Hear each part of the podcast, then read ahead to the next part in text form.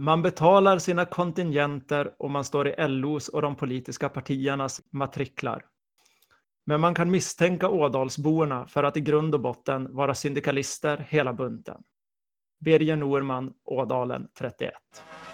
Halt! I lagens namn stanna, annars skjuter jag skarpt!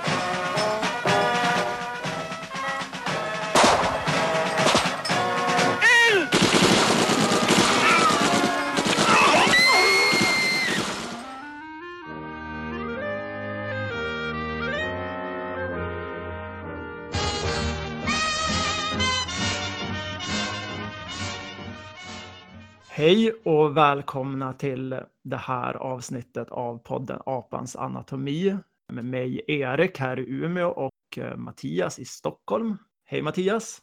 Hej hej! Nu är jag tillbaks i Stockholm, sitter här. Vi ska göra ett avsnitt idag som vi har döpt till Ådalen reser sig igen och igen och igen. Anledningen att vi har tänkt att göra det här avsnittet är väl egentligen för min egen del i alla fall att det har pågått den här uh, sjukhusstriden kring Sollefteå sjukhus i Ådalen i några år. Och jag har ju följt den på olika sätt och skrivit ganska mycket av det och ju mer jag har hållit på med det här desto mer har jag liksom fastnat i, i frågan om varför den här enorma proteströrelsen har dykt upp just på det stället. För det finns ju andra ställen där man också har gjort sådana här typer av nedläggningar eller nedskärningar i, i offentlig sektor där folk förvisso har protesterat men inte alls på det sättet som i Ådalen. Så vi har väl tänkt att gräva ner oss lite idag i just det. Alltså varför blossade upp sådana här enorma proteströrelser just i Ådalen igen och igen och igen genom tiden. Mm. Och det är ju få andra orter som är så passande att börja en beskrivning av den svenska arbetarrörelsen som Ådalen utifrån det. Och både historiskt och att Stefan Löfven kommer väl själv därifrån. Det är hans hemtrakt. Så ska man berätta om socialdemokratin men berätta ett liksom slags eh, motberättelse som inte är Socialdemokraternas historieskrivning om arbetarrörelsen, då är, då är det Ådalen man måste börja i och utgå från. Mm.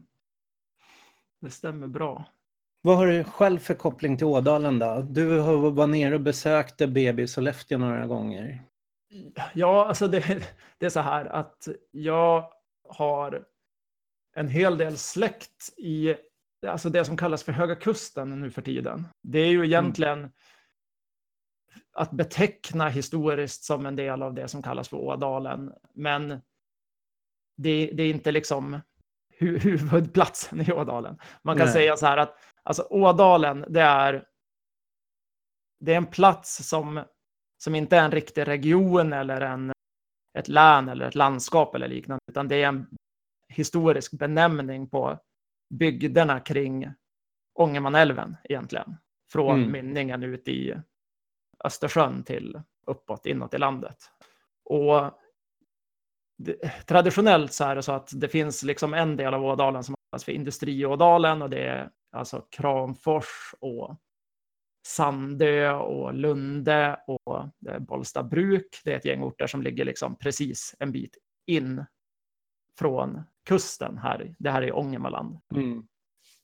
Och sen högre upp liksom längs älven så ligger Sollefteå bland annat och en del andra orter och det är traditionellt Skogsådalen. Och det har varit mer så här centerpartistisk byggd historiskt. Och sen finns det den här lilla kuststräckan som idag är det som hu i huvudsak kallas för Höga Kusten. Och det är dit jag har anknytning.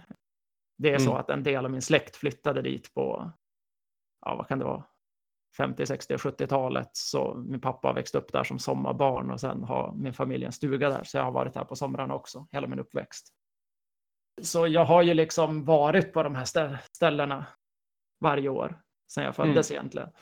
Och har ju också mycket släktingar som är beroende av, av den här vårdinfrastrukturen där. Så det finns ju liksom någon slags personlig känsla i det som gjorde att jag gav mig in i det här också, men, men den hade inte varit nödvändig tror jag, sett till det som har hänt där. Mm. Ja, jag har ju ingen koppling alls dit upp utan det enda gången jag har varit uppåt där var när ett gäng Göteborgsaktivister skulle med bil upp till Skogsnäs som ligger då utanför Ramsele i Sollefteå kommun och alltså längre uppåt landet där i Mm. men det räknas det till, till Ådalen ens? Ja, det är väl Skogsådalen liksom. Men det är ju precis Ja. gränslandet där det börjar bli Jämtland, något landet nästan. Så att, Ja. eh, men det är väl, det är ju fortfarande, alltså. Det där är ju fortfarande liksom längst, längst äl- älven, fast väldigt långt inåt. Ja, så jag var uppe där och bara hälsade på det här kollektivet Skogsnäs eller kollektiva byn och det är ju inte bara i Skogsnäs utan det är ju utspritt i byarna runt omkring. Mm. Många som bor där från dels från gröna vågen på 70-talet men det kom ju en ny våg i slutet av 80-talet. De som kallas lite rörelsen eh, som är husockupanter från Göteborg det var de vi hängde med och träffade och så Mm. såg det var rätt roligt att besöka deras lador där de hade spikat fast eh, gatunamnen från eh, Bangatan och olika ockupationer och kollektiv i Göteborg satt uppe på de där husen utanför Ramsele. det finns lite olika ställen, men i Ångermanland överlag. Det är ju ganska påtagligt den här utflyttningen av, eller vad man säger, inflyttningen blir det väl i det fallet, av gröna Mm. vågar i olika generationer. Det är ju liksom en plats där det finns mycket så här sådana typer av verksamheter och byar och konstgallerier och så vidare i glesbygden som ja, inte går att missa om man är där. Och så är det ju i Nordingrå, de trakterna kring kusten som jag har anknytning till då också. Mm. Och varför just Ådalen? Varför ska, var, vad är det som är så speciellt med Ådalen av alla ställen? Ja, för de flesta så är det väl, alltså det som hände nu var ju att, få gå igenom det i korthet, var ju att eh, 2014 så gick Socialdemokraterna till val på att bevara tre akutsjukhus i Västernorrlands län som Ångermanland ligger i och Ådalen ligger i. Mm. Eh, ganska direkt efter valet 2015 så läckte det en plan på att man skulle göra ganska omfattande nedskärningar, speciellt riktade då mot sjukhuset i Sollefteå. Så på hösten där i oktober 2015 så kallades det till en demonstration i Kramfors som ligger ganska nära Sollefteå. Och den demonstrationen kallades under titeln Ådalen reser sig. Alltså namnet Ådalen används ju liksom inte officiellt jättemycket längre på det sättet, utan det är ju så här, och här kommer det här med Höga Kusten in, att Mm.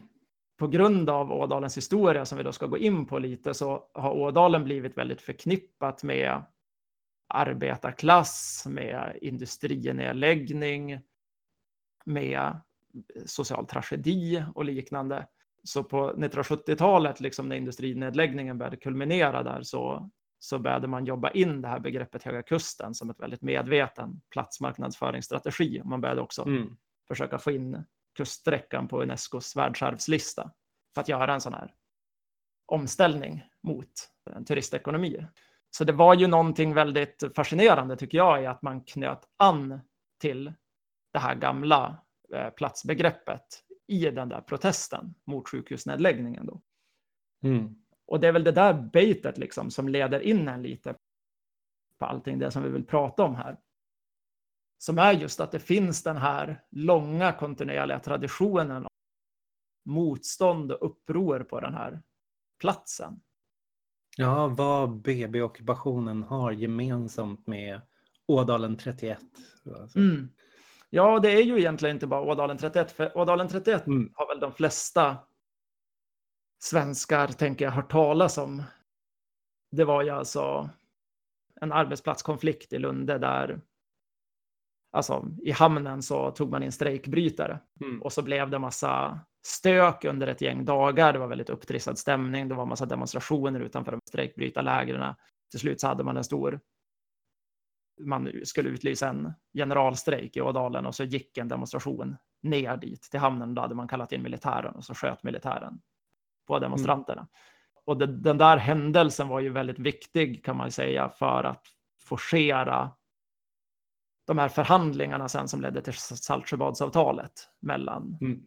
eh, arbetsköpare och eh, och LO i Sverige.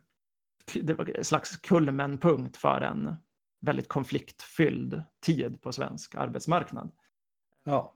Men som sagt, det börjar ju egentligen inte där, utan det, det, det, är ju så här med Ådalen att Ådalen var ju en sån här plats som var ganska efter.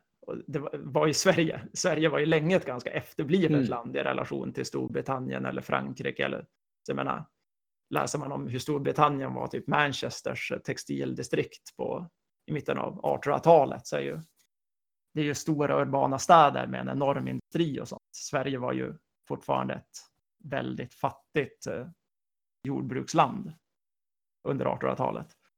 Mm. Men sen så kommer ju den här liksom råvarubommen där mot mm. slutet av 1800-talet. Och Ådalen då som ligger väldigt isolerat infrastrukturmässigt som har varit liksom en, en plats, en väldigt isolerad plats i Sverige.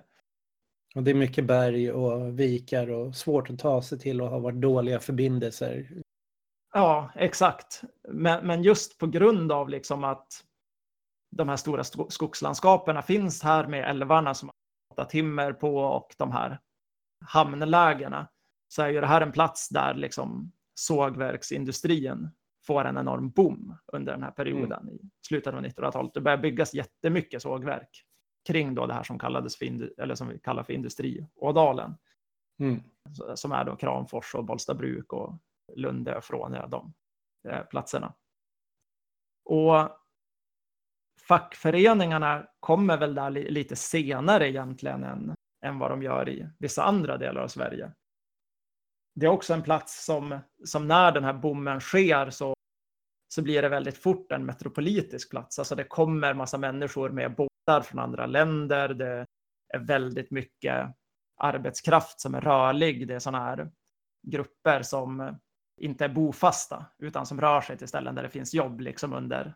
Det, det är ju så industrin på den här mm. tiden var ju extremt konjunkturskänslig. Så det kommer sådana här enorma ordrar. Vid en viss tidpunkt så behöver man jättemycket arbetskraft och då var det människor som åkte runt. Så om man läser om liksom de här eh, hamnarna och sågverksplatserna här i början av 1900-talet så, så är ju Ådalen en väldigt kaotisk plats. Det låter nästan som att läsa om, en, om stämningen i en jättestor stad idag med så här galna fester, supermycket folk som är liksom ute på gatorna och super på helgerna tillsammans så för att det, de är inte bofasta och det finns ingenting att göra och folk från landsbygden.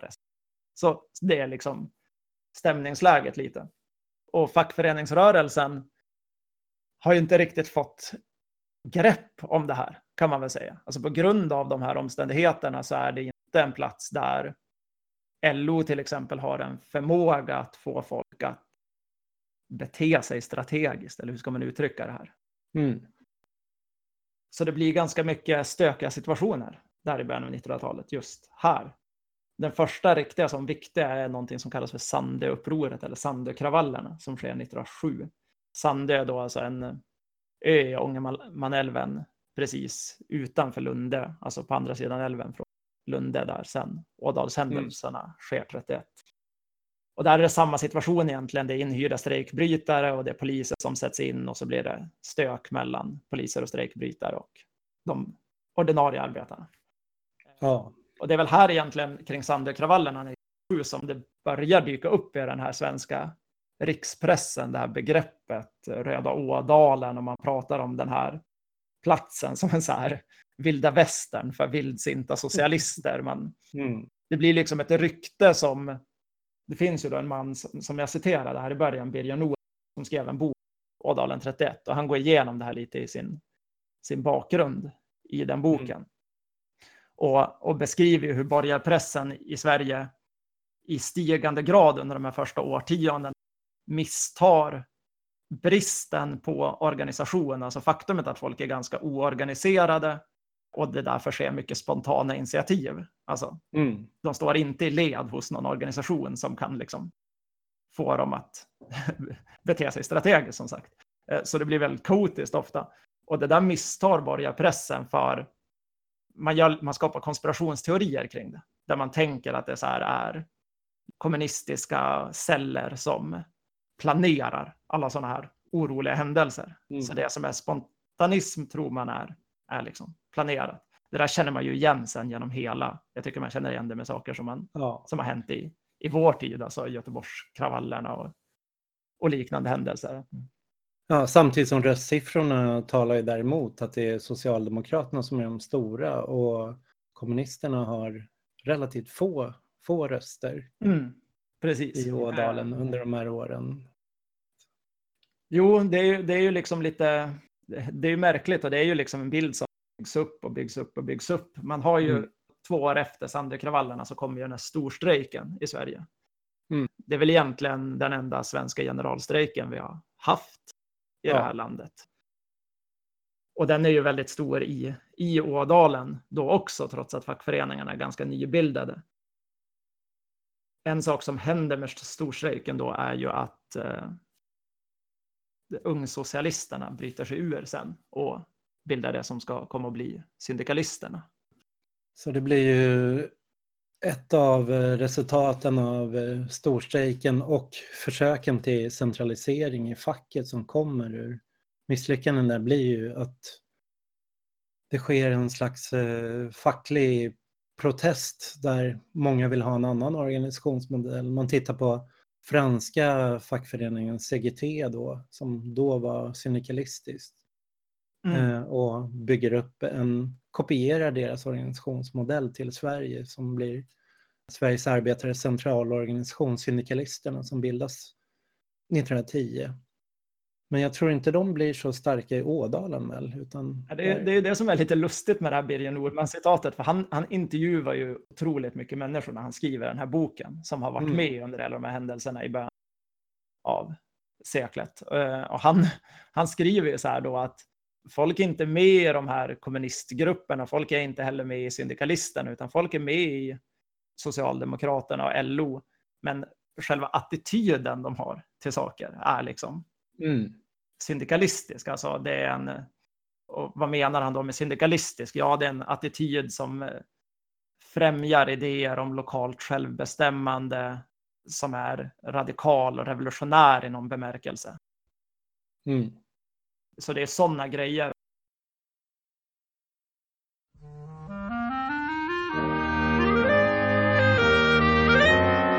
Det följer mer grejer. Då 1917 så kommer ju de här hungerkravallerna i Sverige som egentligen är tillsammans med hotet från ryska revolutionen så är väl det anledningen att, demokratin kan forceras igenom i Sverige. Det är ju Mm. Västervik där det startar, men i Ådalen så är de här händelserna väldigt omfattande också med demonstrationer med tusentals människor som drar runt kollektivt och, och plundrar matförråd och, och liknande grejer. Så där, där kommer ju igen att den här platsen är liksom en plats som i, i relation till de här större historiska händelserna liksom syns och är betydande och eh, mobiliserbar. Sen är väl liksom efter 1917 så är ju den stora händelsen Ådalshändelserna 31 som, Mm. som vi beskrev lite kort. Ja, och det börjar ju som en, eh, en solidaritetsstrejk från början. eh, Där eh, det sätts in strejkbrytare så att mycket av protesterna handlar ju om att blockera strejkbrytarna från att återta arbetet i hamnar och i de här eh, massafabrikerna. Ja, det är egentligen mycket samma grej som händer där också igen som, som beskrivs om man tittar på alla de här händelserna på den här platsen. Mm. Och det är ju att liksom de stora fackliga organisationerna, partiorganisationerna har liksom kontroll över det här läget. Det sker så här otroligt mycket spontana initiativ. Så här, folk drar till, speciellt när de kallar in militären dit från Sollefteå då, för övrigt. Så sker det ju sådana här spontana demonstrationer där jättemycket bara cyklar från närliggande byar och omringar tågstationen och börjar kasta flaskor på militärerna när de ska ut från tågen och sånt. Så att det är ju det är liksom extremt mycket spontan militans som finns trots att de här organisationerna som inte eller som, Mm. som skulle kunna vara för sånt i retoriken är väldigt frånvarande. Mm. Och då har vi ju en polisiär organisation i, i Sverige där det inte finns någon form av rikspolis utan de olika regionerna får inte ta hjälp av varandras poliskårer och att polisen upplever sig helt ha tappat kontrollen över stora områden i Mm. Ådalen under den här strejk och, och protestvågen. Att det är en slags arbetarspontanitet som, som styr där och får istället kalla in militären för att eh, skydda, skydda strejkbrytarna och kunna liksom hålla arbetet igång. Det är exakt det du säger är ju det som är, det är en arbetarspontanitet. Det är så. Mm. När, när Birger Nordman har tittat igenom den här historien så är det ju väldigt tydligt att det är det det handlar om.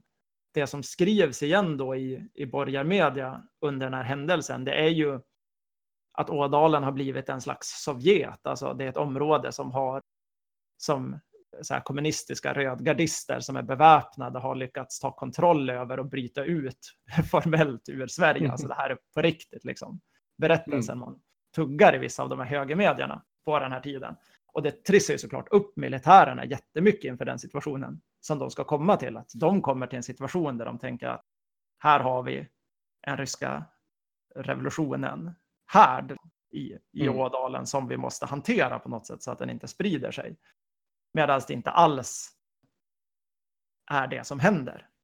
När de här skotten sker, den, den berömda demonstrationen. Det är ju rätt talande att det hålls ett möte på eh, Folkets hus i Kramfors eh, från eh, Folkets hus. Där fortfarande mötet pågår, där de fortfarande sitter och diskuterar kraven och förhandlingarna när de 3-4 tusen samlade personerna som finns på gården bara börjar gå och börjar gå ut mot strejkbrytarnas förläggningsplats i Lunde. Jo, precis. De sitter ju kvar där, fackföreningsbossarna eller vad man ska säga i Ådalen. De sitter ju kvar där i huset och har sitt möte medans de här händelserna börjar. De hinner knappt få fram några fanor i täten eller någonting utan folk bara tar initiativet i egna händer och, och tågar bort. Mm. Någonstans när man börjar tugga det här så här, då ser man någonting att det här som Birger Norman beskriver i citatet, det är exakt det som hela tiden känns återkommande. Så folk fortsätter att vara aktiva i Socialdemokraterna som är det stora partiet och är LO. Men det finns hela tiden den här spänningen av att man är någonting, att, att det finns en radikal mentalitet på Mm. den här platsen. Man ska väl säga där att mellan hungerkravallerna 1917 och 1931 så händer det en grej också som är att det sker en, en utbrytning ur eh, Socialdemokraterna, en partisplittring. Eh, det bildas ett parti som heter SSV, Sveriges socialdemokratiska vänsterparti, där det är enskilda medlemmar i stora delar av Sverige som hoppar över till det här andra partiet, men det är två platser där hela lokalavdelningar byter Mm. parti. Och det är ju då i Norrbotten så lämnar i princip hela socialdemokratin för SSV och i Ådalen också. Mm. Eh, Så där, det är väl liksom vid den tidpunkten där det här tar sig ett tydligt organisatoriskt uttryck. Mm. Sen går ju de där tillbaks in i Socialdemokraterna bara efter några år. Men Mm. att den händelsen sker ger en slags fingervisning av att här har man en slags radikal vänsterfalang som ändå ser sig typ som socialdemokrater eller vill vara aktiva där, men som får nog vid ett visst tillfälle. Mm. Det är spännande att titta på just det här att det finns den här radikala underströmningen inom socialdemokratin. Och så skotten i Ådalen, händelserna i Ådalen 31 kommer ju också dela socialdemokratin där det finns den här vänsterfalangen som lyfter fram det här och i sinom tid också gör det till en viktig mytisk händelse för fackföreningsrörelsen. Det är någonting man lyfter fram årligen och återkommer i minnesstunder. Men just då så fördömdes det ju faktiskt av, av ledande socialdemokrater. Såg som en så här, kommunistiska störningsaktioner och att det är yttre provokatörer.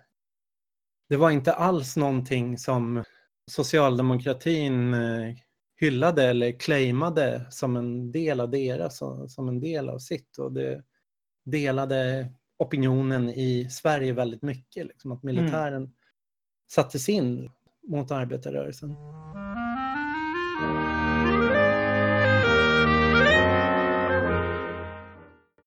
Jag tänkte göra en liten utflikning där just när det gäller historieskrivning, just att Socialdemokraternas historieskrivning och historieskrivningen över arbetarrörelsen har ju traditionellt sett varit väldigt kopplad till partierna. Antingen har det varit liksom, man har skrivit Socialdemokraternas historia eller den socialdemokratiska arbetarrörelsens historia eller Vänsterpartiets och mm, liksom, kommunistiska arbetarrörelsens historia.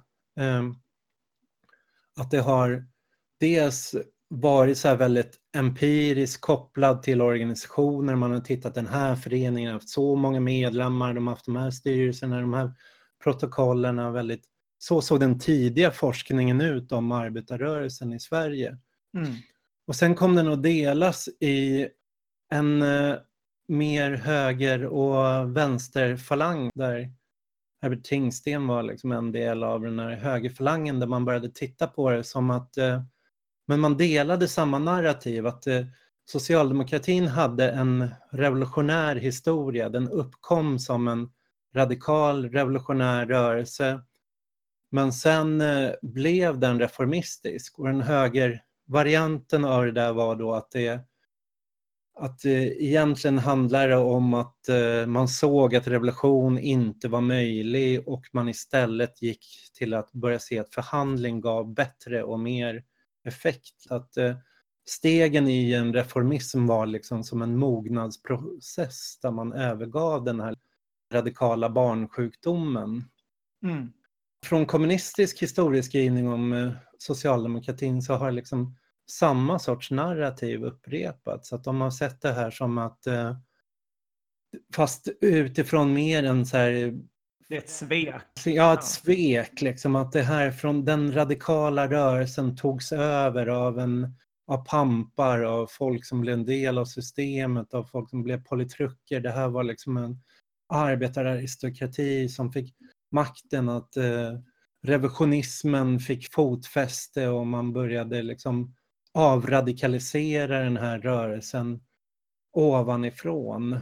Så båda diskuterar som att det först var radikalt revolutionärt och sen gick in i reformismen. Och mot det har det stått en annan lite mer socialdemokratisk historieskrivning som har sett det mer till att ja, men det här är bara en anpassning efter de olika situationerna, att man har tagit sin socialistiska analys och tillämpat på samhällets förändring, liksom fört in mer, mer demokratisk riktning.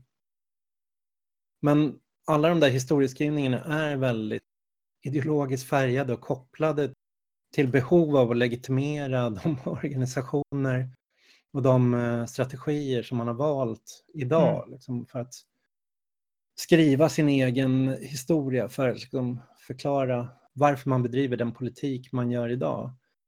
Men det finns också en, eh, en mottradition. Så den, den tycker jag är intressant att lyfta för att den belyser så himla väl det som sker i Ådalen. Det finns ju en rad olika skolor som har försökt titta på det här liksom, med radikala arbetarrörelsen underifrån och inte beskriva det utifrån organisationsperspektiv utan mer titta på ett underifrånperspektiv på, på arbetarklass, på fattiga människors rörelse. Det finns klassiker är ju E.P. Thompsons The Making of English Working Class som från 63 som gav upphov till den här liksom en slags eh, historik underifrån, arbetarrörelsetradition underifrån när man tittar på folkliga upplopp. Och en annan sån klassiker är den här Richard Cloward och Francis Fox Pivens eh, Poor People's Movement från 77, en riktig klassiker som tittar på hur fattiga rörelser som inte har tjänat på att bilda partier har liksom, vilka kampformer har de kunnat utveckla? Subalterna studier som sen blev postkoloniala studier har gjort precis samma sak. Fokuserat på liksom bondeprotester snarare än liksom nationella historieskrivningar för liksom underifrån rörelser. Mm. En sån strömning som jag hämtar mycket inspiration från det är ju den här man ska säga autonoma marxismen eller operaismen från Italien då som har försökt eh, titta på klassammansättning. Hur ser klassammansättningen ut och hur har, kan man förklara olika kampformer utifrån hur arbetarklassen är sammansatt i produktionen. Och då, det finns en tradition där kring en, i Italien kring en tidning som hette Prima Maggio, första maj, som speciellt inriktades på 70-talet med historiskt granska sådana här rörelser och se varför utvecklade arbetarrörelsen olika tendenser, olika former, organisationsformer, olika kampformer? Vad motsvarar det? Deras anställningsförhållanden, deras roll i produktionen. Och en person kopplat till det här är Karl-Heinz Roth som är i Tyskland som skrev den här boken Den andra arbetarrörelsen 1974. Och det kom en svensk eh, variant som Brutus Östling gav ut som hette Den andra arbetarrörelsen och reformismens framväxt som Federativs eh, släppte 1980. Mycket bokuppräkningar här. Med.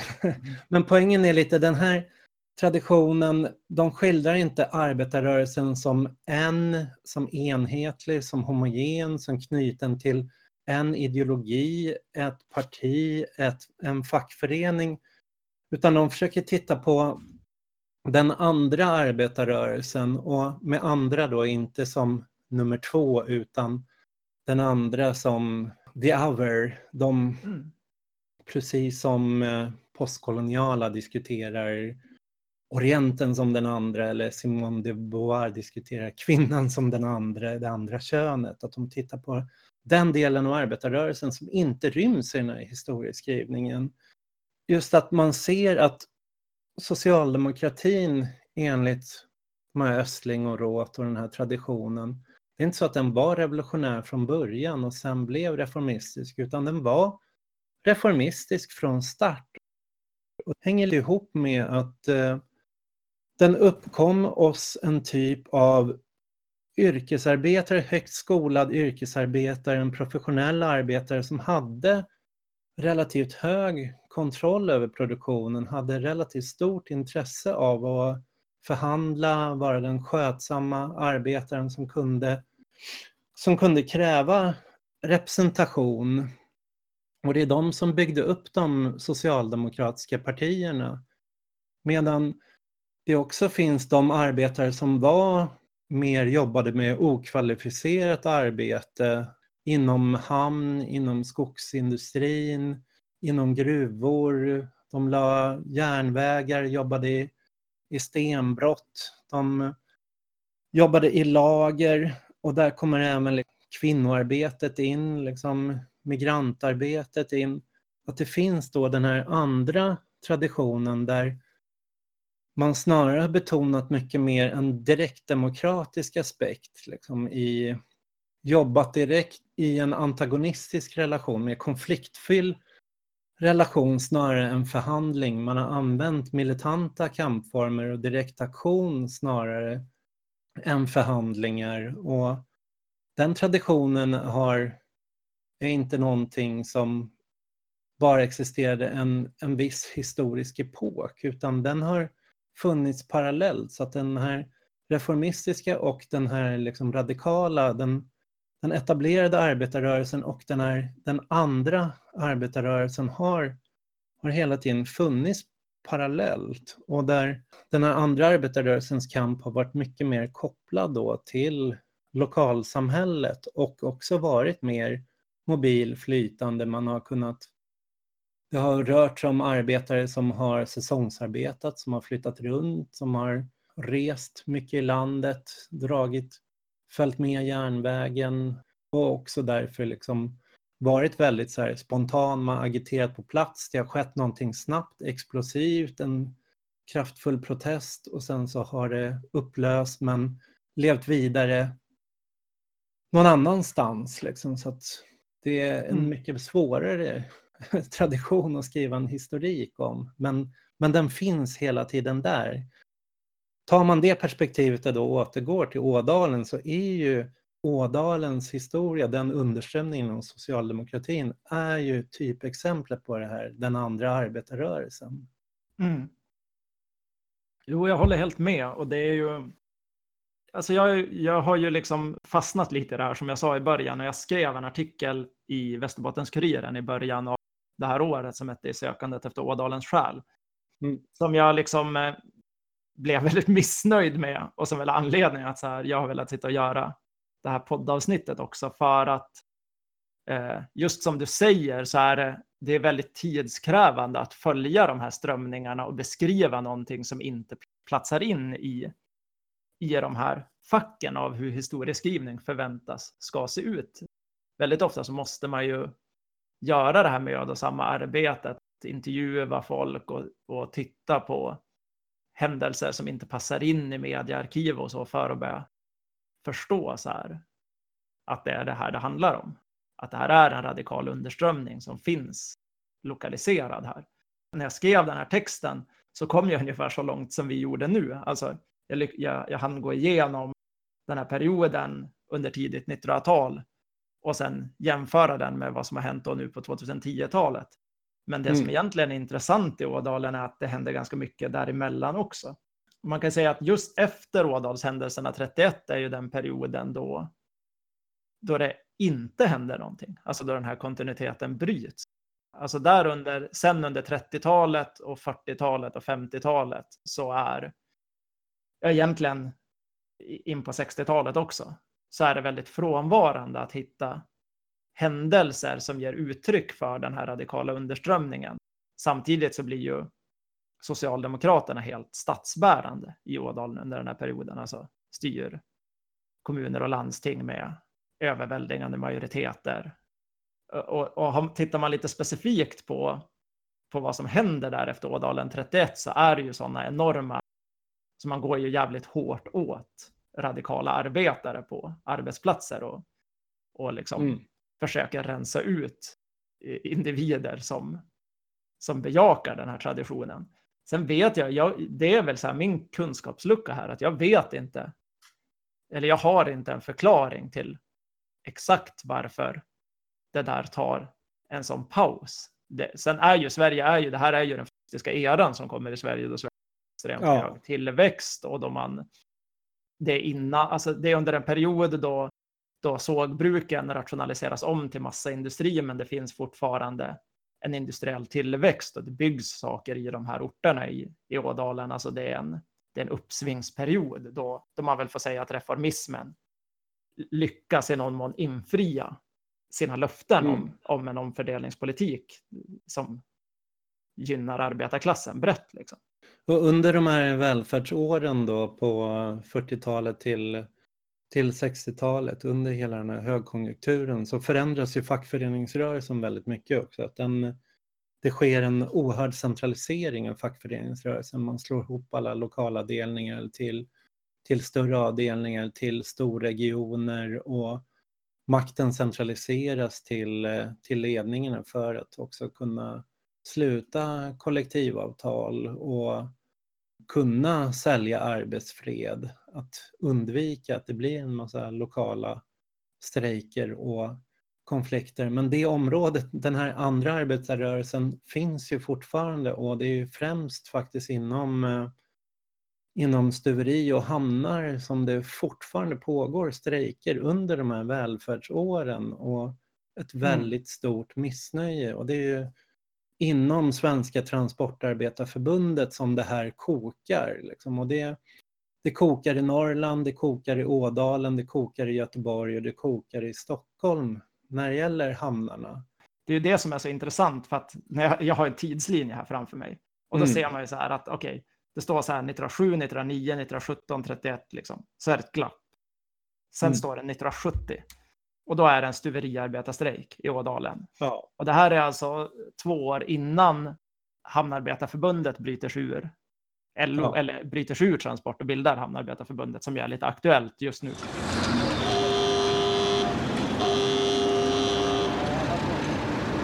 Du vet ju när du kommer ner i ett lastrum och du är på vissa...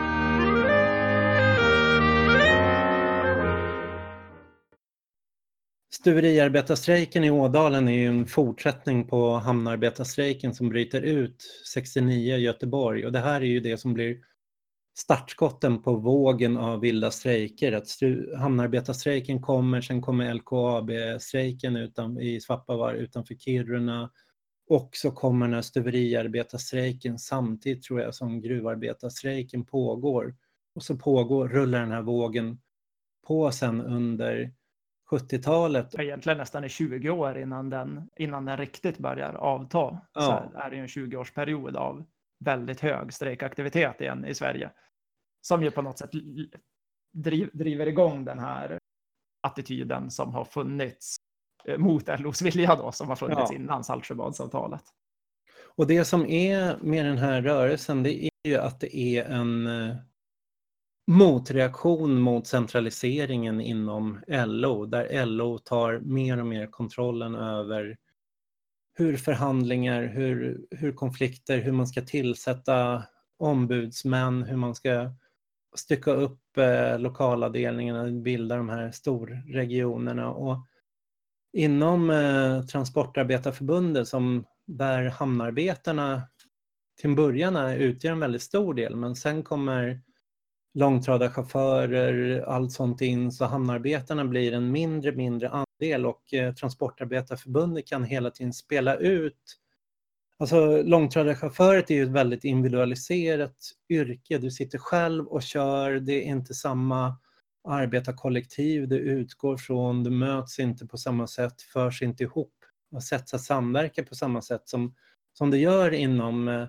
inom hamnen eller i stuveriarbetet där det är väldigt kollektiv styrka Mm. som kan uppnås. Så att det, man ser ju hela tiden hamnarbetarna inom transport som, som det stora problemet och försöker på olika sätt disciplinera samtidigt som det finns ett väldigt stort missnöje mot de avtal som sluts under 60-talet och det, det pågår en våg strejker redan innan den här vilda strejkvågen där eh, transportavdelningen går ut i vild strejk och fälls i arbetardomstolen och eh, Transportarbetarförbundet centralt försöker på olika sätt krossa, mosa och utesluta och speciellt de som vägrar gå med på de här omorganiseringen så att Norrland utesluts.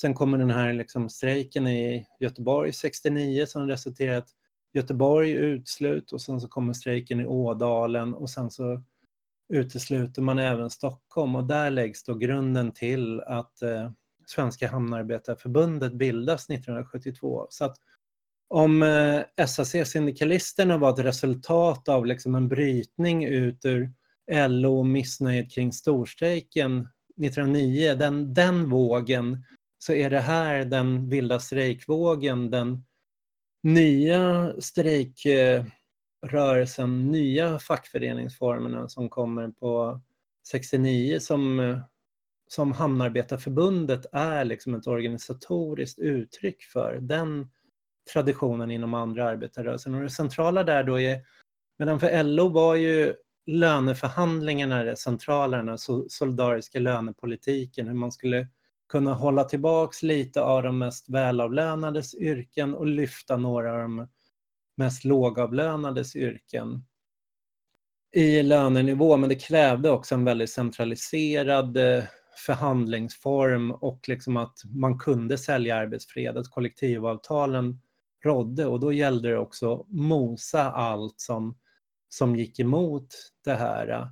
Att liksom disciplinera hela den här rörelsen medan den här liksom 69, vad man ska säga, vågen av eh, arbetarprotester, vilda protester, den gick inte ut så mycket på lönekamper. Alltså LKAB-arbetarna strejkade inte för löner och Alltså stuveriarbetarstrejken, där lyfte man visserligen lönerna men det var ju mycket mer handlade om faktiska situationen på arbetsplatsen. Att det var hög, man utsattes för eh, avgaser, det var stor, eh, tung arbetsbörda, högt dödsantal bland, bland arbetare, det var hårt tempo, det var speciellt i Ådalen där det inte fanns någon stor centraliserad hamn så var ju också arbetet oerhört uppstyckat mellan varje massafabrik, varje massaindustri hade sin egen hamn, sin stad, sina egna små hamnar och sen så fick man timmar här, timmar där och liksom Mm. fick gå på a-kassa under, under vinterhalvåret. Så att det var väldigt osäker bransch samtidigt som det fanns en väldigt stark så här, kollektiv kampvilja så att det, det är ju så så Hamnarbetarförbundet.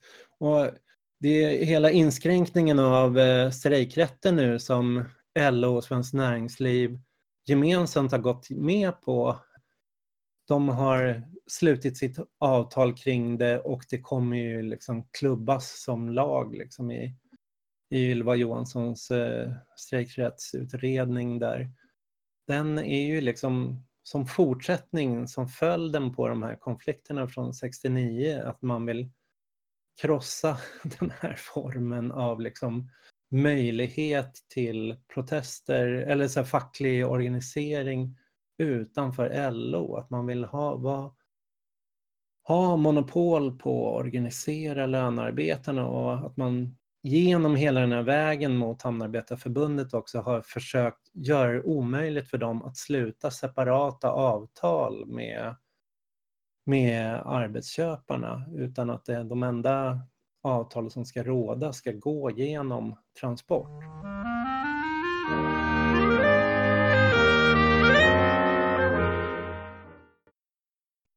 Så det där var vilda strejkvågen som sker på 60 70-talet men då kommer vi också in på en annat förlopp som sker i Ådalen. Det är avindustrialiseringen och följderna ja, precis. av det. Det här, är ju, det här är ju egentligen sista, alltså stuveriarbetarstrejken 1970. Det, den följs ju av att man börjar den här riktiga processen av, av industrinedläggning i, alltså i stora delar av Sverige, men i synnerhet i Ådalen det är en parentes här som jag vill nämna som du också, du sa någonting om det i början. Och det är att här i början av 70-talet så det sker en oljekris internationellt. Vi pratade om det i förra avsnittet.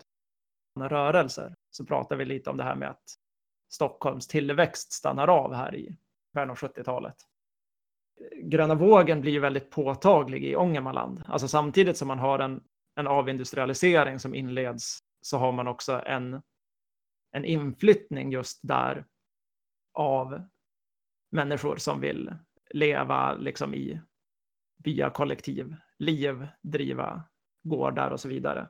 Den mest kända grejen är väl det här kollektivbyn Skogsnäs som bildas 1973 som fortfarande finns kvar och sen så har man ju mm. den här mm. händelsen mellan 76 och 80. Det är en familj från Skogsnäs som flyttar ut då på Graningeverkens mark. Det är ett torp som har stått, det har blivit så här inlöst och stått öde hur länge som helst mitt ute i skogen. Som de ockuperar och eh, bor i i fyra år. Det finns inga alltså, sätt att ta sig dit. Till slut så gör polisen en stor mobilisering och liksom vandrar ut i skogen med hästar för att vräka den här familjen.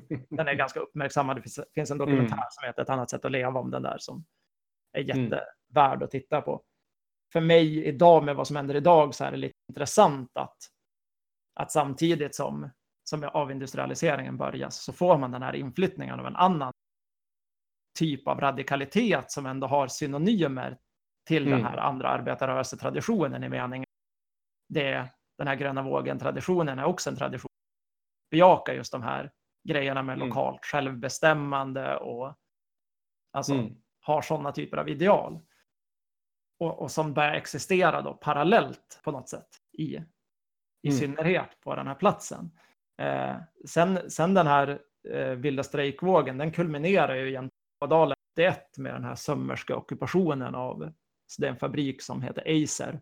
Den har blivit, eh, alltså staten har tagit över förvaltningen av den några år tidigare och bestämmer sig då i den här industrinedläggningsvågen eh, 81 för att lägga ner den och eh, sömmerskorna bestämmer sig för att ockupera den. De ockuperar Acers fabriken i Sollefteå i åtta månader och eh, till slut så lyckas de, som jag har förstått det, lyckades de bilda ett kooperativ, alltså ta över fabriken i kooperativ drift och ha kvar mm. en del av personalstyrkan eh, då vid den tidpunkten.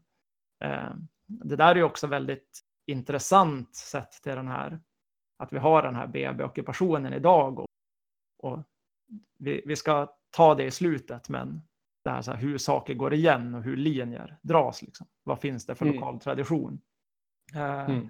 Men där ser man ju igen så här, 81, det här uttrycket för en typ av uh, radikal metodik som, som står liksom utanför eh, Mm. den här LO-traditionen. Men som blir väldigt uppmärksammad och får väldigt mycket stöd, precis som, som stuveriarbetarstrejken också fick väldigt mycket stöd från människor i övriga landet. Det var en slags Mm. pionjärhändelse. Mm. Sen kommer 90-talet och Ådalen, liksom hela Sverige, drabbas av eh, ekonomiska krisen och då kommer ju kamperna mycket mer att övergå till att handla om eh, nedläggningar och jobbflytt.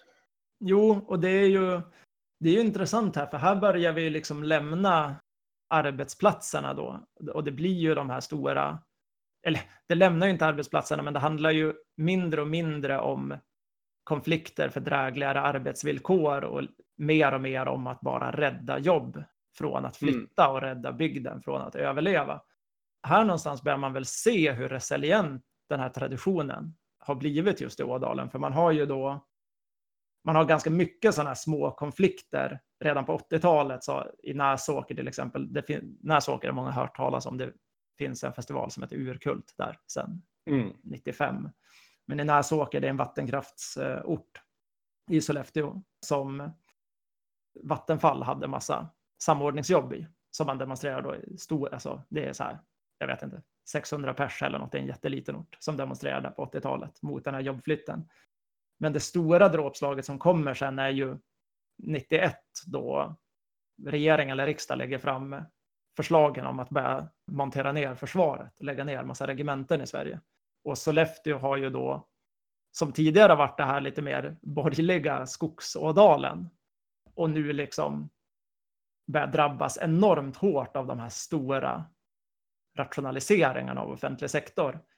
Här flyttar ju liksom fokus lite från så här Kramfors, Bollstabrukområdet upp till skogs, Skogsådalen Mm. där den offentliga sektorn är som störst. 91 föreslår man att lägga ner, det finns två regementen då i Sollefteå, T3 och I21, som är helt bärande för den staden som plats. Så det är stora arbetsplatser. Då kommer ju ett sånt här uttryck som vi har sett nu igen då på 2010-talet. 91 är en demonstration mot de här nedläggningarna som det deltar 13 000 personer i. Det står 20 000 personer i vissa artiklar som jag läst om det här, men det är en jättedemonstration i Sollefteå. Och temporärt så stoppas också det här förslaget, men det kommer ju sen att genomföras några år senare ändå. Så regementena blev ju nedlagda, men det var en sån tydlig massmobilisering. Och sen i början av 2000-talet så kommer ju då de här rationaliseringsplanerna. 2000 så kommer de första liksom hintarna om att lägga ner verksamhet på Sollefteå sjukhus och det är en stor demonstration. Nu får man ju förstå att Sollefteå sjukhus är ju i en stad, alltså Sollefteå är ju då lite som Umeå, alltså en stad som helt bärs av att ha starka offentliga arbetsplatser. Så man har haft lokaliseringar med sjukhus och man har haft två regementen och man har haft massa sådana här myndighetsroller. Så att först förlora regementena och sen att man börjar liksom slå mot sjukhuset, det är ju de här liksom stora dolkstötarna för att den här staden Mm. överhuvudtaget ska ha ett existensberättigande i framtiden eller kunna överleva. Och 2004 så kommer de här planerna tillbaks igen. Då är det en demonstration i Sollefteå med 4 000 personer. Man ringer runt sjukhuset. Och sen så, ja, det kommer ju sådana här skolprotester och liknande där. Kommunalarbetarstrejken ligger här också 2005, va? Som Mm. man märker av i Sollefteå också. Så det är mycket liksom kring offentlig sektor och kring jobb. Fram då till nu, som vi har nämnt, 2015, när det här beslutet om sjukhuset till slut kommer tillbaks och börjar klubbas igenom av Socialdemokraterna i, inte lokalt då, utan i regionen. Och vad är det jag försöker säga när man liksom har kommit igenom hela 1900-talet? Ja. Där? Ja, men det är väl lite så att när jag, när jag tittar på den här tidslinjen så ser man ju den här mobiliseringskontinuiteten. Men man ser också att det är samma sak som hela tiden fortsätter hända. Alltså, Socialdemokraterna är det styrande lokala partiet. Men den här radikalare militanta attityden är liksom återkommande i alla de här protesterna, vare sig de, vad de handlar om egentligen, så är det någon Mm. slags lokalt fostrad mentalitet som liksom lever i ett helt sekel. Idag kan man ju säga att mycket av sjukhusprotesterna som kom nu på 2010-talet det var ju alltså lokala sossar i Kramfors och Sollefteå bland annat som var väldigt drivande och ta initiativ till de här första demonstrationerna som skedde och de har hamnat i total clinch med sitt eget parti. Alltså. Mm. Sossarna styr ju lokalt i Sollefteå som har så här rädda vårt sjukhus-posters på kommunhuset. Mm. Liksom. Och den här, det, är, det är ju en ny sån talkrock med partiet som man då har haft vid den här SSV-utbrytningen till exempel 20-talet och som eh, stuveriarbetarna hade med transport på 70-talet. Så Mm. det, det tycker jag ju är extremt intressant och det är extremt intressant också att titta på metodiken idag mot den här historiska bakgrunden. Alltså att det är just, det är inte bara massdemonstrationer utan man tar just till sådana här verktyg som att ockupera BB Mm. Foajén som man har gjort nu i 500 dagar. Man bildar ett kooperativ som är vård och omsorg i Norrland, VON, Mm. som har startat en vårdcentral med typ eh, 5000 listade personer nu. Och där, där finns ju så här också de här banden till det vi har pratat om som den andra arbetarrörelsen. De här Ja. tendenserna, lokalt självbestämmande, liksom alternativa driftsformer, radikala protestmetoder. Om man jämför med andra platser så kan man se att på väldigt många väljer en, en så här brobyggarattityd för att rädda Mm. något.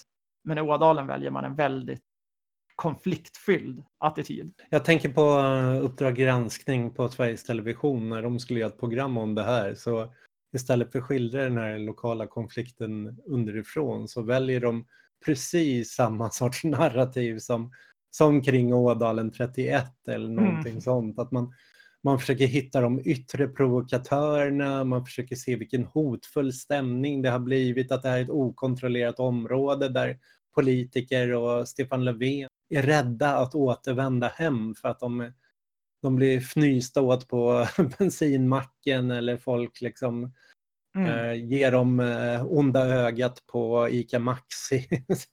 ja, de, de kan inte förstå den här underströmningen och det, ja, visst finns det ju kopplingar att skogsnäsockupanter dyker upp igen eller eh, sömmerskor från Öser-ockupationen som dyker upp här. Liksom. Det finns ju de här trådarna tillbaks men det handlar ju snarare om en, en tradition, en, en eh, folklig kultur som har överlevt snarare än att det är professionella konspiratörer som Mm. sitter och, och reser från projekt till projekt och startar bränder.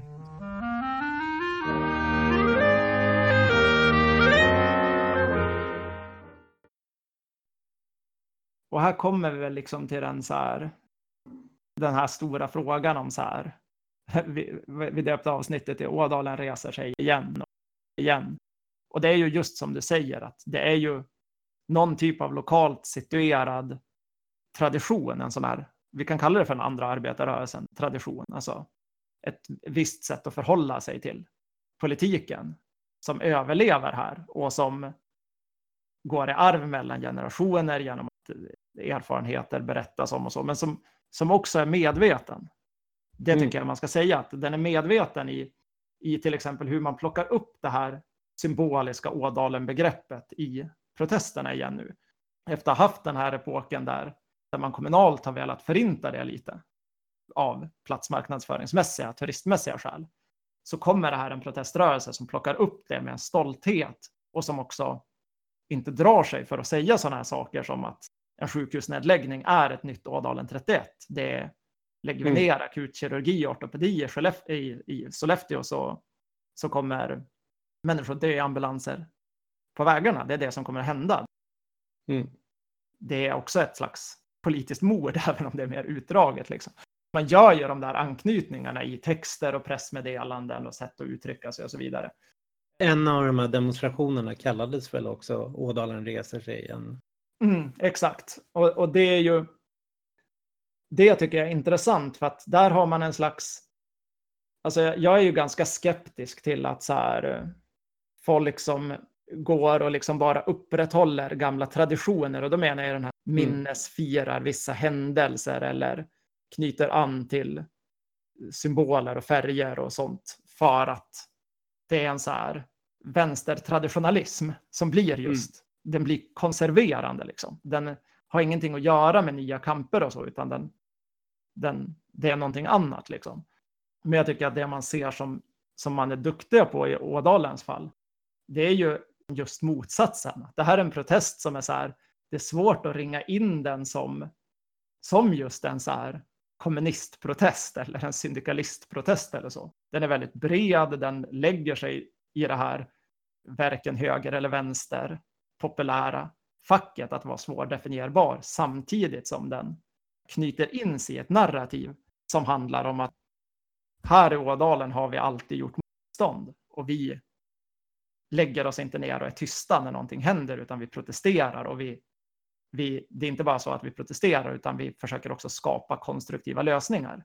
Alltså ja. det, var det, det, var det man gjorde till exempel på Acer på 80-talet. Man sa inte bara så här staten ska fortsätta driva den här industrin utan man sa kan ta över den i kooperativ drift. Och det är det man ja. säger med sjukhuset nu också. Vi kan ja. ta över det här sjukhuset i kooperativ drift. Just det här sättet att eh, skriva historia också. Att det, är inte, det finns ju så mycket just nu när man känner att vänstern har tappat mark, vänstern håller på att eh, förlora eller gå tillbaka. Så att det finns det här tillbakablickandet, att man vill försöka hitta tillbaka till någon gyllene storhetstid, att bara återupprepar man recepten därifrån. Att det är bara historiska studier som kan, kan leda oss framåt. Och det här är ju en annan sorts historieskrivning. Den knyter an till historien, den knyter an till händelser men använder dem ju för att projicera dem framåt för att ge legitimitet åt den protesten man gör nu. Att den är ju inte en bakåtsträvande protest att så här, återskapa någonting utan Alltså om det är någonting som har varit tydligt i intervjuer jag har gjort och när jag har träffat folk aktiva i den här proteströrelsen så är det ju den enorma självmedvetenheten om att man inte kommer någonstans kring att romantisera en svunnen storhetstid eller genom att bara stå och säga någon annan borde göra det här. Utan att så mm. här, det, det måste vara, ja man knyter an till historien men det är som du säger i ett syfte att blicka framåt och att, att så här, det är någon annanstans man ska. Det, det var att den här vägen, att bara fortsätta lägga ner och så vidare, är fel väg. Men rätt väg inte status quo. Liksom. Det, där skiljer ju Ådalen ut sig enormt mycket från hur mycket av vänstern resonerar i Sverige idag. Ja, det gäller att hitta Ådalsandan för en ny tid. Vad är den andra arbetarrörelsen idag? Ja, jag tycker att det är det man kan liksom grotta ner sig när man har förstått hela den här bilden av, av så här, vad mm. de har gjort och vad platsen är och så. Det finns ju, det finns ju andra sådana platser i Sverige också. Det, det finns ja. ju, det, det, är såklart att man kan inte bara bedriva politik på de platserna, utan men, men jag har ju tänkt mycket på det under tiden jag följt det här, att det finns platser i Sverige som har en liknande rörelsearkeologi, om vi ska kalla det så, som Ådalen. Har ni i Umeå försökt på något sätt göra samma sätt, äga historieskrivningen för att legitimera dagens kamper? Ja, vi har ju det och det är kanske inte så som en stor plan från början utan mer någonting som har skett av nyfikenhet. I Allt åt alla då som jag är aktiv så bestämde vi oss väldigt från början att så här, vi, skulle vara, vi ska vara en organisation som jobbar långsiktigt och som är lokalförankrad och som tar konflikter som vi är berörda av själva i vår vardag. Det finns massa intressanta saker som händer, men som vi inte har någon beröring till och då ska vi inte syssla med dem. Det är det vi är berörda av som, som medlemmar i den här gruppen som vi sysselsätter oss med. Och det blev väl som på något sätt naturligt i det där att när vi jobbat med frågor om innerstadsomvandlingen, där vi har varit berörda i vissa avseenden, så har man också börjat titta på äldre stadsomvandlingsprocesser och hur stadsplaneringspolitiken har gått till och så vidare. Och samma på Oldhem där vi är väldigt verksamma, miljonprogramsområde, så har vi, så har vi mm. också gjort det. Och då har det ju blivit så att man börjar skriva det här, det här narrativet. Alltså man börjar se konfliktpunkten och traditionen som vi är en del av, som vi kanske inte själva förstod att vi var en del av på det sättet innan vi började undersöka den.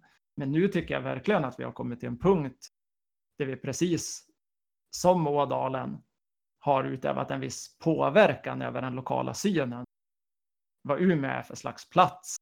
Och det är väl framför allt det här också att genom att visa att det finns en lång lokal tradition av radikala sätt att protestera och att det legitimeras som någon slags lokal anda så gör ju det Mm. det mycket lättare att göra saker på det sättet i nuet. Politiska motståndare och medier har mycket svårare att, tror jag, att angripa en på det sättet de skulle göra på vissa andra platser.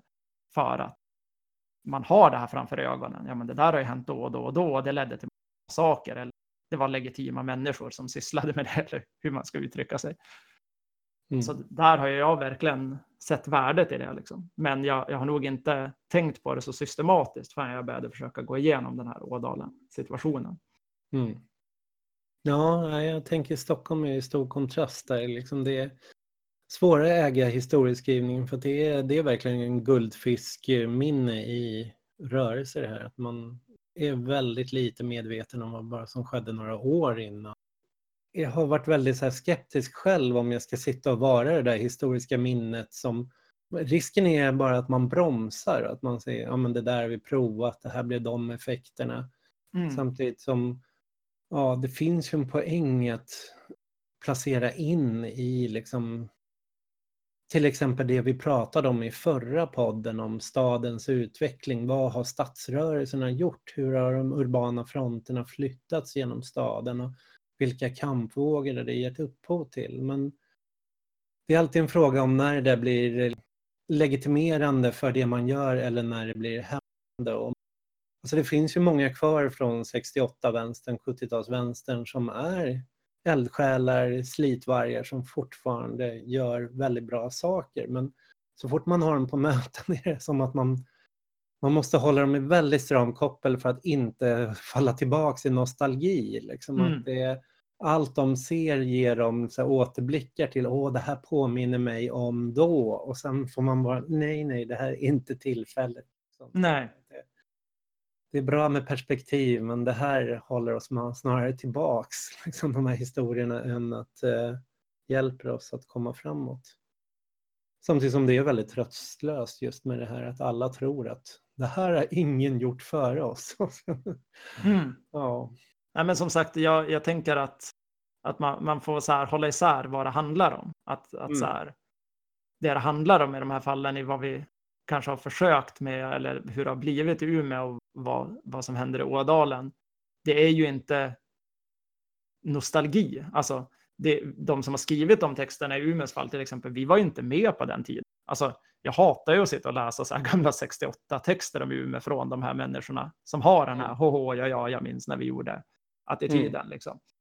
Utan det handlar ju mer om att en ny generation knyter an till en mentalitet och kring. Det är ju igen det här med att det är någonting djupare. Det, det handlar om att Mm. hitta kulturella spår och drag i. Ja, jag tror problemet för dem är att de lyckas inte få olika tidsperioder att kommunicera med varandra utan det är bara en slags eh, associationstänkande snarare än att det är ju lite namnet på den här podden också, Apans anatomi. Det är inte att vara några historiegrävare utan kanske använda dagens konflikter för att kasta ljuset på, på tidigare konflikter. Att nu kan vi förstå vad som skedde då och ska vi förstå vad som sker nu så lär vi oss inte det från historien utan vi måste nästan titta på det från framtiden, se tendenser idag och vad de kommer bli och då kanske vi om vi försöker tänka oss det som tendenser vi rör oss i idag, då kan vi börja liksom kanske förstå det på ett annat sätt. Därför blir hela den här historien om Ådalen så intressant just för att jag skulle inte bry mig så mycket om det inte vore för BB-ockupationen i Sollefteå och försöket från LO just nu att mosa Hamnarbetarförbundet. Att eh, studera Ådalen då ger en plötsligt den här bilden av den här andra arbetarrörelsen, traditionen och vad den socialdemokratiska fackföreningsrörelsen hela tiden har kontra. Vilken underströmning den har haft inom sig som den har försökt trycka tillbaks. Vad Mm. har det funnits för annat som den måste tämja och få bukt med för att kunna behålla sin position? Mm. Precis. Vi kanske ska börja avrunda här. Vi får väl se hur det går i Ådalen. BB-ockupationen pågår. Vårdkooperativet kör på. Och det är val snart. Stefan Mm. Löfven har fortfarande inte återvänt till sina hemtrakter. Tack för att ni lyssnade. På återseende. Tack alla lyssnare. Vi hörs igen.